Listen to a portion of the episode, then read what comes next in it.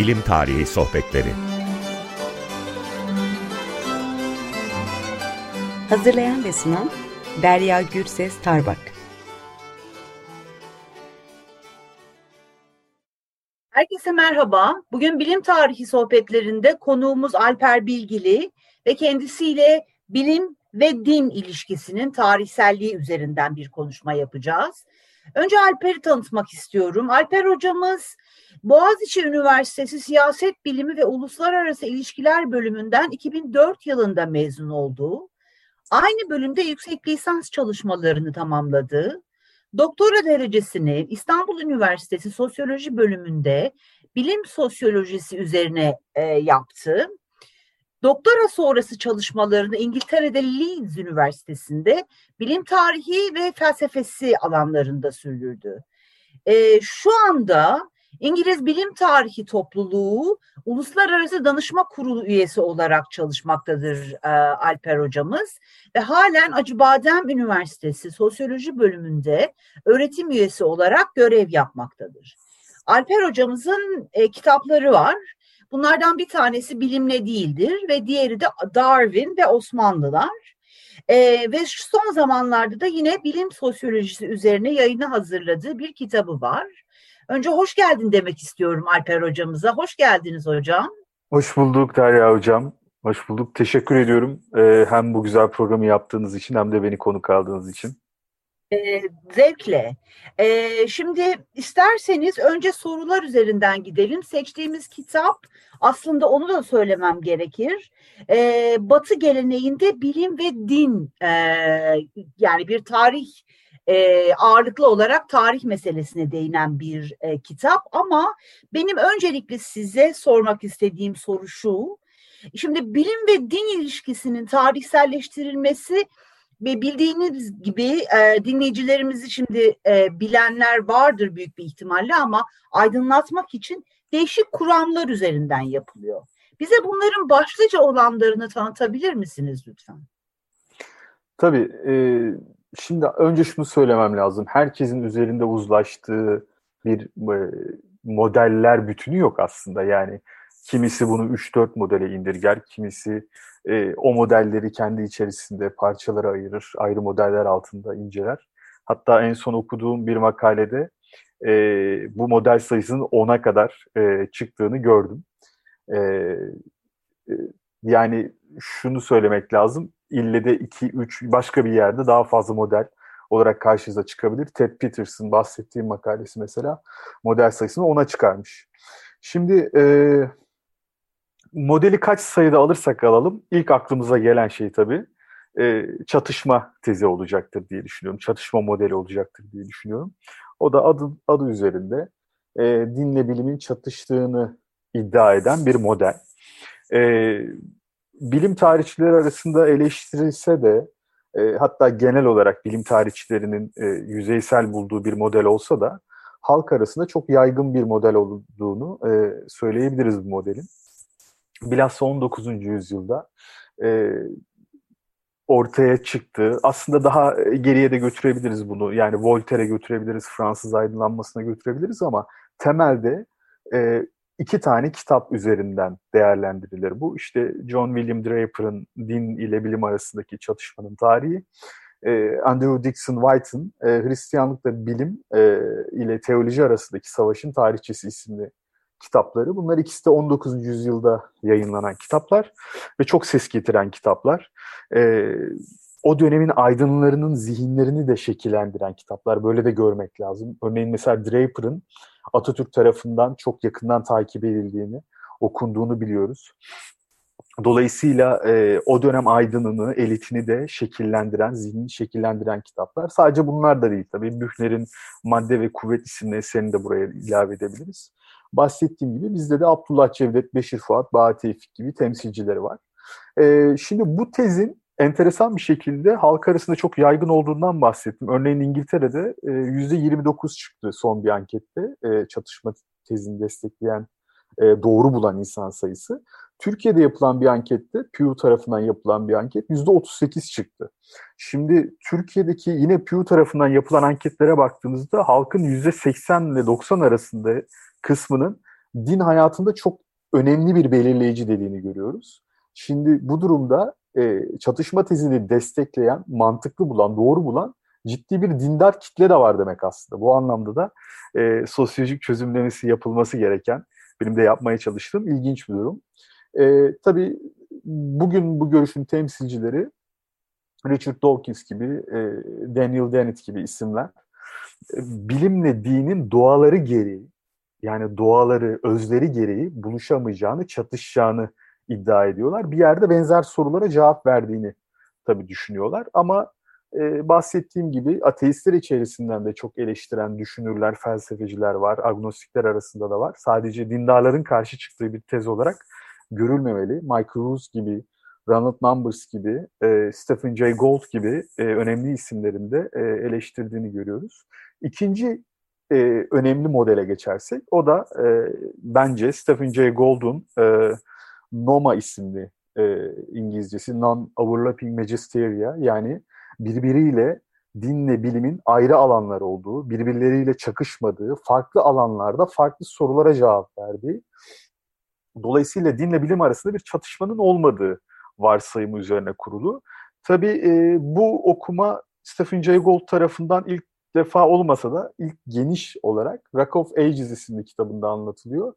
E, bu görüşü eleştirenler genelde bunun biraz Amerika üzerinden bir okuma olduğu e, fikrinde. Hatırlarsanız Amerika'da işte 1920'lerde evrim teorisinin öğretilmesi, öğretilmemesi tartışmaları üzerinden büyük bir e, ne diyeyim tantana kopmuştu diyeyim tabiri caizse. Evet. E, ve bunu e, bir yerde bu barışçıl bir çözüm sunuyor. Yani dinle bilim ayrı alanlar birbirlerine müdahale etmiyorlar. Böylece bir yerde Amerika'nın e, kendi iç tartışmalarıyla ilgili bir çözüm bulunuyor dinle bilim arasında. Dikkat edin e, modeli sunan kişi de zaten kendisi de dindar bir figür değil. E, önemli bir bilim insanından bahsediyorum burada. E, ve bu görüşü bugün de çok eleştiren kişi var. E, yüzeysel olduğu nedeniyle eleştirenler var. İki taraflı da. İlk bahsettiğim çatışma tezini savunanlar da eleştiriyorlar. E, ama bunun yanında e, Cambridge'den Deniz Alexander, e, Oxford'dan Alistair McGrath, e, Derya Hocam siz de iyi bilirsiniz bu isimleri. Bu isimlerin de eleştirdiği bir teori. Çünkü diyorlar ki dinle bilim arasında çokça ilişki var. Bunlar e, arasındaki ilişkiyi böyle sanki bunlar tamamen ayrı alanlarmış gibi yansıtmak e, bir temenniden ibaret. E, peki bu kişiler neyi sunuyor? Bu kişiler üçüncü bir model öneriyorlar. O da e, complementarity dediğimiz e, tamamlayıcı model diye Türkçe'ye çevirebileceğimiz bir model. E, orada da hani bu eski doğa filozoflarının görüşlerine yakın bir model. Nedir? E, din işte Tanrı'nın iki kitabı var. Bu iki kitabı beraber okumak gerekir. Birisini anlarsak diğerini daha iyi anlarız. Görüşü hakim. Hani e, Galile'nin e, Toskana düşesine yazdığı mektupta da altını çizdiği bir nokta vardır. Doğayı daha iyi tanırsak İncil'i daha iyi anlarız. Dolayısıyla e, İncil'i daha iyi anlamak için de doğayı daha iyi tanımalıyız. Ayrıca Tanrı'yı daha iyi tanımak için de doğayı anlamalıyız. E, bunun yanında işte hani Püritenlerin e, insanlara faydalı olmalıyız. E bunu nasıl yapacağız? Tıp üzerinden yapacağız mesela gibi görüşlerinin hepsini buraya aslında e, koyabiliriz. Yani dinle bilim arasında bir e, paslaşma var birbirlerini besliyorlar. Peki bu saydıklarım bilimin dine faydasıydı. Dinin bilime nasıl bir faydası olabilir sorusu akıllara gelebilir. Orada da e, işte dinlerin e, doğayı daha iyi tanımaya yönelik motive ettirici, motive edici bir unsur olarak görev alması sunulabilir. Ya da işte özellikle İkinci Dünya Savaşı'ndan sonra bilimin çeşitli deneylerin, e, insanlığın hani etik sınırları zorlayan deneyleri acaba dinin de yardımıyla bir sınırlar çizebilir miyiz gibi e, fikirler var. Tabii bunun dışında Warwick'ten e, Roger Trick vardır. Onun e, görüşü de hani bu klasik doğa yasasından söz etmek için doğa yasasının bir koyanın olması lazım. İşte o da Tanrı'dır e, fikriyle e, daha felsefi bir zeminde bu ikisini buluşturmaya çalıştığını görüyoruz. Dördüncü modelse e, complexity modeli, karmaşıklık daha karmaşık. Yani aslında şunu anlatıyor. E, sosyolojik olarak da belki daha zengin bir model bu son bahsedeceğim. E, yani dinle bilim arasındaki e, etkileşim çok daha karmaşık E, zaman zaman uyum olur, zaman zaman ayrı olurlar, başka şeyler konuşurlar, zaman zaman çatışabilirler. Ama burada dikkat edilmesi gereken din dediğimiz böyle uniform, e, tek bir soyut kavramdan söz edemeyiz. Din dediğimiz şey en nihayetinde insanlar tarafından temsil ediliyor. Aynı şekilde bilim de öyle aslında. Dolayısıyla bunların kurumları var, bu kurumlar arasında güç ilişkileri var. Bunları anlamadan so, soyut bir kavram üzerinden dini tartışmak e, basite indirgemek olur. Yani Galile ile kilise arasındaki mücadeleyi anlamak istiyorsak aslında kilisenin aynı zamanda bir ekonomi, aynı zamanda bir siyasi güç odağı olduğunu da görmeliyiz. Aksi takdirde yorumlar e, boş bir yorum olacak. Yani Hristiyanlık diye bir başlık var ama aslında altı dolu bir başlık değil. Senin tavsiye ettiğin kitap da bu anlamda bence Complexity modeline yakın bir kitap. Evet. E, bu sosyolojik derinliği de vermeye çalışan bir kitap. E, peki e, yani bu aslında sonra sormayı düşünüyordum ama siz söylediğiniz için bence kitapla ilgili birazcık konuşalım. Türkçe literatürde bunun benzeri bir kitap ben daha önce görmedim. Sizin tavsiye edeceğiniz ya da Derya yok şuna da bak diyeceğiniz başka kitap var mı? Şimdi e, bu bence en kapsamlı kitap olduğu konusunda hemfikirim. E, tamam. 103 makaleden oluşuyor. Zaten İngilizce baskısında e, ansiklopedi ifadesi geçiyor evet. alt başlıkta. Evet. Türkçe'de belki korkutmamak için o ifade kullanılmış. Olabilir, evet.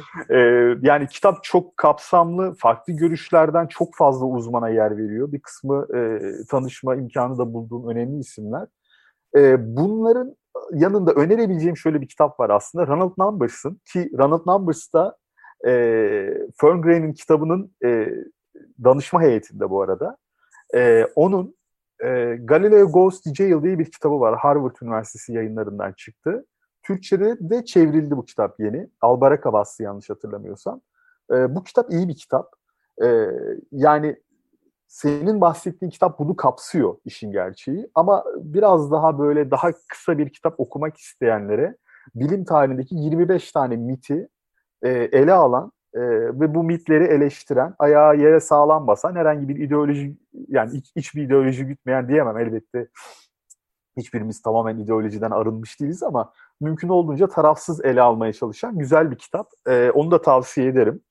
E, İngilizce okuyabilen okurlar, e, dinleyicilerimize de e, yine Chicago, bu kez Chicago'dan çıkmış olan e, Biology and Ideology isimli bir kitap var. E, o da çok güzel. E, bilim tarihini biraz daha geniş biyoloji üzerinden okuyan bir kitap. O da güzel bir kitap.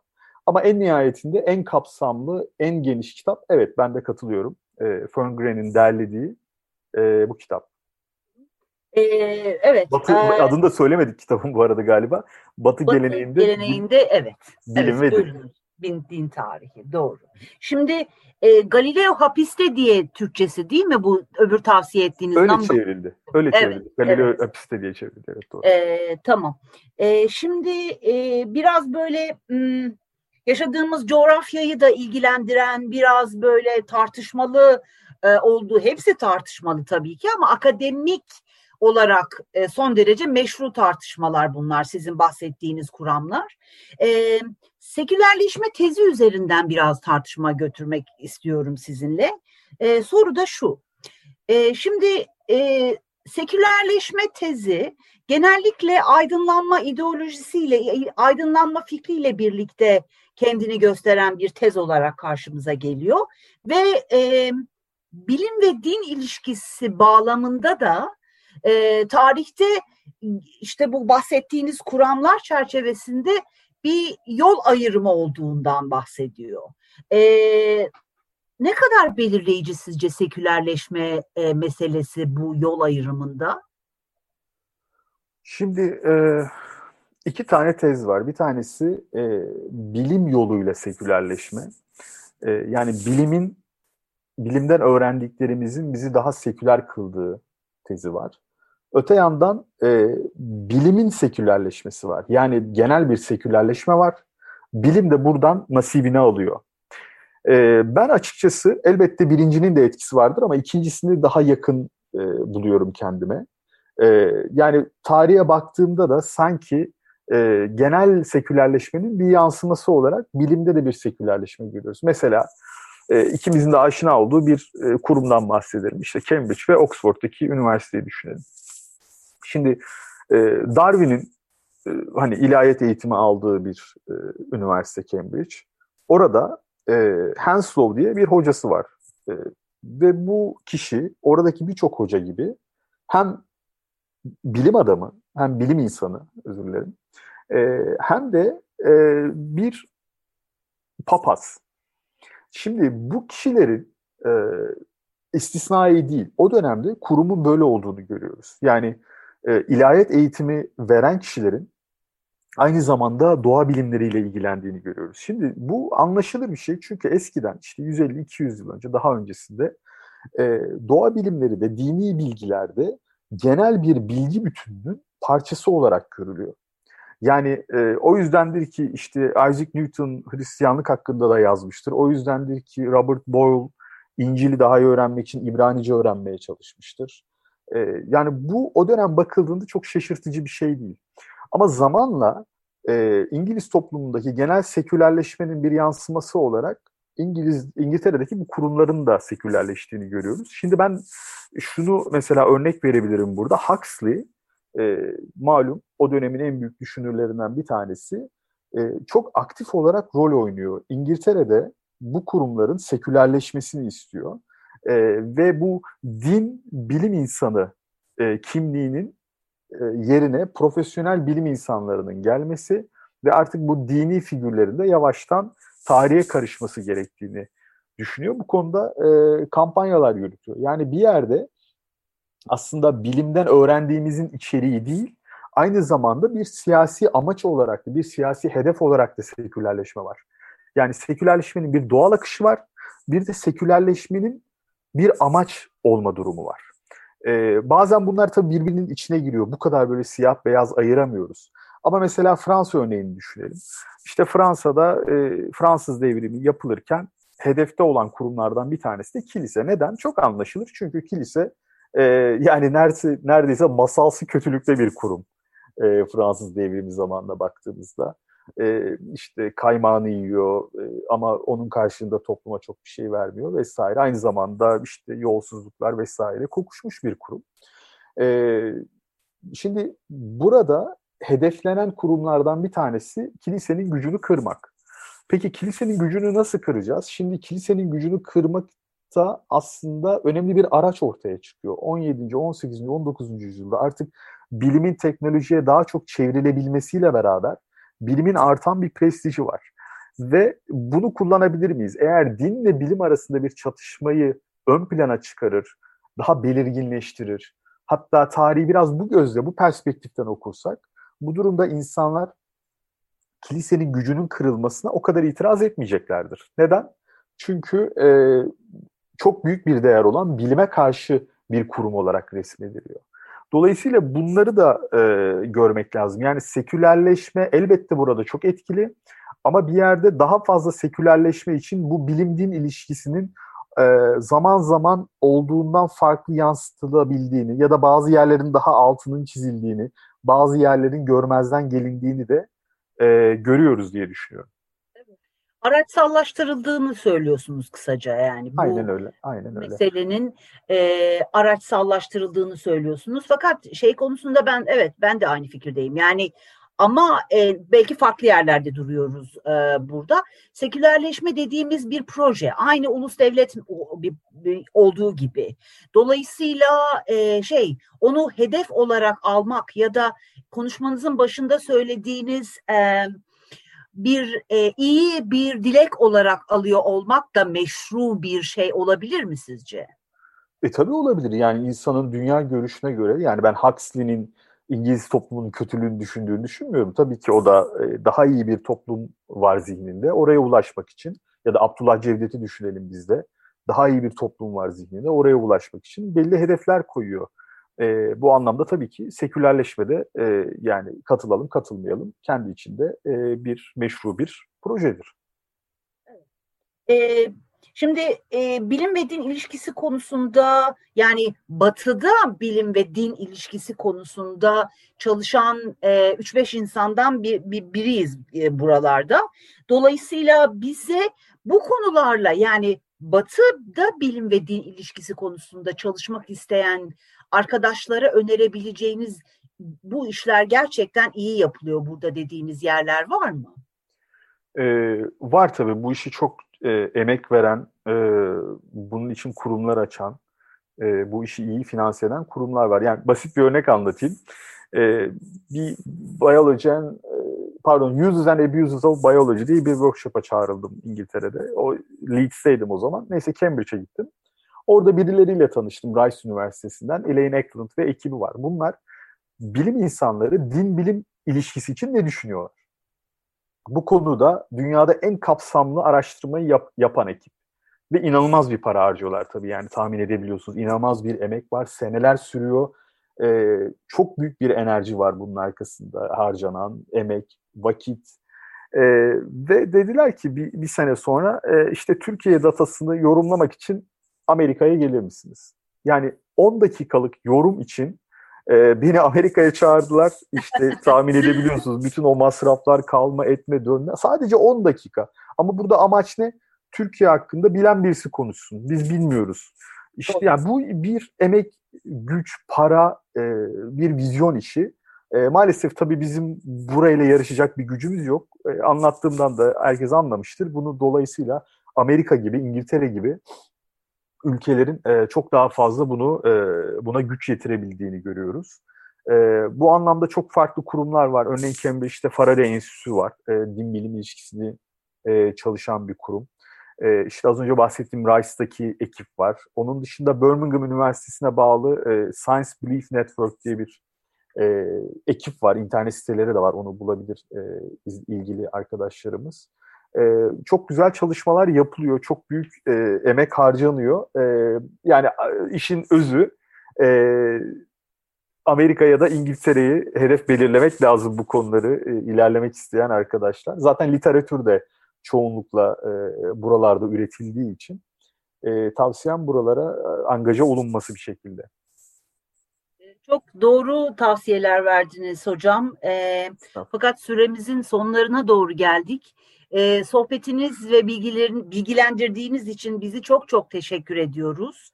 E, kitabınızın da çıkmasını heyecanla bekliyoruz. Teşekkür ediyorum Derya Hocam. E, ben de tekrar ediyorum yani bu çok önemli bir iş yapıyorsunuz.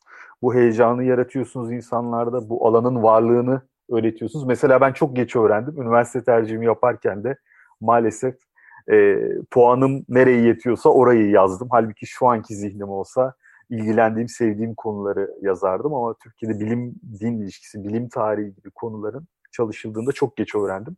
Bu anlamda bu e, radyo programında çok kıymetli bir program. Tekrar teşekkürler. Ben de çok teşekkür ederim. E, herkese iyi bir gün diliyoruz. Hoşçakalın.